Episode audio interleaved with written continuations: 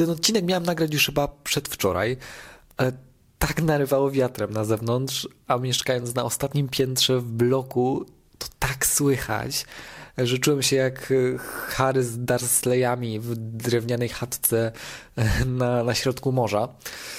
Ale co? Y, oczywiście dzisiaj też wieje, więc, y, więc, więc wszystko jedno po prostu. I, I, chyba pani też, y, sąsiadka obok robi chyba kotlety. Nieważne, bo muszę już wypluć z siebie te pokłady informacji, które we mnie, które we mnie drzemią, mm, bo już po prostu dłużej nie dam rady ich w sobie dusić. Gdyż dzisiejszy odcinek jest zgoła inny gdyż śpieszę do Was z wieścią specjalną, iż wydałem swoją pierwszą w życiu książkę, a dokładnie tomik. Tak. Ale zanim opowiem Wam, gdzie go można zdobyć, bo to jakby najważniejsze, to krótka geneza. Co, jak, kiedy i dlaczego ten tomik, o co chodzi. Więc y, geneza tego wszystkiego ma chyba um, trzy ścieżki, tak sobie myślę. I pierwsza to fakt, że od najmłodszych lat y, ja po prostu pisałem rozmaite rzeczy. Opowiadania, straszne historie. Y, do teraz pamiętam, jak napisałem opowiadanie o wampirach. Y, a to było 100 lat przed erą zmierzchu. Nazywało się mm, Wakacje z wampirami. I tam w tej roli głównej była taka mała czarodziejka i, i dwoje towarzyszących jej w jej eskapadach wampirów, a nazywali się oni Ostry Kieł i Czerwony Ząb. Albo jak w którejś klasie na, na plastyce pani zadała nam e, stworzenie krótkiej książeczki dla dzieci. E, więc wiecie, wszyscy tam robili jakieś abecadło albo rymowanki, ale ja nie. Ja oczywiście e, musiałem e, walnąć mini powieść o, o tytule Przygody wampirka Szymka. Swoją drogą ja nie wiem, co ja miałem z tymi wampirami. No ale była szóstka z plastyki? Była. E, albo też należałem do tej e, małolicznej grupy dziwnych dzieci, które po prostu lubiły pisać wypracowania na polskim.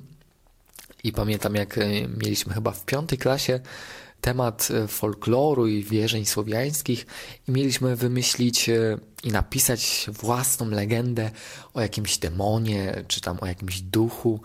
I, i walnąłem legendę o Szyszymorze, o której kiedyś w ogóle wyczytam w Księdze Wiedzy Czarodziejskiej. Tak, mam taką książkę. I to musiało być, słuchajcie, wtedy tak dobre, że pani polonistka postanowiła na forum całej klasy y, odczytać to opowiadanie, a mnie po prostu duma rozbierała. No i Jezu, było też pisanie blogów. Y, w moim wykonaniu w zasadzie, w zasadzie przez całą podstawówkę, gimnazjum i, i szkołę średnią. No i też myślę, że nie bez powodu też wylądowałem suma summarum na, na, na studiach y, na dziennikarstwie i komunikacji społecznej. Tak sobie myślę. E, podczas których też miałem też e, krótki epizod z wydawaniem takiego fanfikowego czasopisma. No i jeszcze ten mój podcast, którego słuchacie, no też jest poniekąd tak naprawdę owocem pisania, gdyż, gdyż no, no zawsze przygotowując się do odcinka, no przelewam swoje myśli też na, na papier. E, więc no, no mam wrażenie, że, że no jestem w jakiś sposób skazany na to pisanie ale no prawda jest taka, że po prostu bawienie się słowami i formułowanie zawiłych myśli e, w zdania to jest dla mnie po prostu wręcz taka mistyczna rzecz. Myślę, że na wydanie też tego mojego tomika na, na pewno też w jakiś sposób wpłynęła też wszechogarniająca naszą rzeczywistość e, pandemia, kiedy to po prostu no, zamknięci w czterech ścianach bardziej skłoniliśmy się ku sobie, do swojego wewnętrznego świata, no więc ja po, pootwierałem sobie, chcąc nie chcąc, pewne szufladki w swojej głowie, e, nie zawsze fajne, e, ale które przeobraziłem przynajmniej w jakieś tam e, liryczne utworki. No inspiracji też było wtedy sporo, bo, bo, bo, bo jakby miało się też dużo czasu na, na, czy to na czytanie, czy na oglądanie, czy na słuchanie, więc tych inspiracji głównie takich też melancholijnych było dość. Coś, co na, na, szybko mi przychodzi do głowy, to na pewno to były opowiadania Marka Chłaski, na pewno to były też filmy Larsa von Triera, czy, czy filmy Woody'ego Allena, no i na pewno też muzyka Warhouse.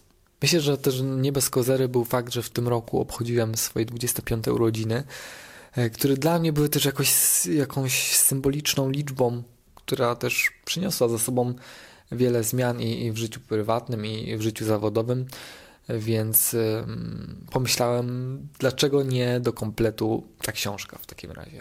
No i voilà. Tomik nazywa się Niewolnik Nostalgii i jest dostępny w sprzedaży tylko na mojej stronie internetowej e, www.niewolniknostalgii.pl. Myślę, że jego opis, który pomogła mi też stworzyć moja korektorka, jest najbardziej obrazowy i lepiej chyba go już nie opiszę. E, więc e, Niewolnik Nostalgii to są zapiski, po których przewodnikiem jest 25-latek, a które są odbiciem majaczącej wokół nas melancholii. Każdy kolejny wers, będący mirażem poezji i prozy, stara się przynieść refleksję na, nad kondycją człowieczeństwa w teraźniejszości i zamaskowane absurdem, popkulturą i realiami XXI wieku utwory ułożone jak gdyby w trzech etapach życia tęsknie formują liczbę przeżytych lat. Ogólnie na stronie jest oczywiście dostępny jego darmowy fragment, który można sobie pobrać i sobie z nim poobcować przed, przed decyzją zakupu. Cały tomik jest mojego autorstwa i to tak dosłownie, bo niestety często dolega mi taki chorobliwy perfekcjonizm i, i bycie takim control freakiem, więc uznałem, że muszę czuwać nad każdym aspektem tego projektu, co, co, co poskutkowało tym, że no, wydałem tomik właściwie całościowo w self-publishingu i to taki publishingu w self do bólu. Bo oprócz napisania zaprojektowałem okładkę, ilustrację, a nawet poskładałem całą tą książkę i w zasadzie jedynym etapem, który mnie omijał, to był druk nakładu. Także tak, no, y, ja serdecznie Was zapraszam na, na stronę. Tomik można też już ocenić chociażby na lubimyczytać.pl. Także no, ja jestem głodny Waszych opinii jak nigdy dotąd.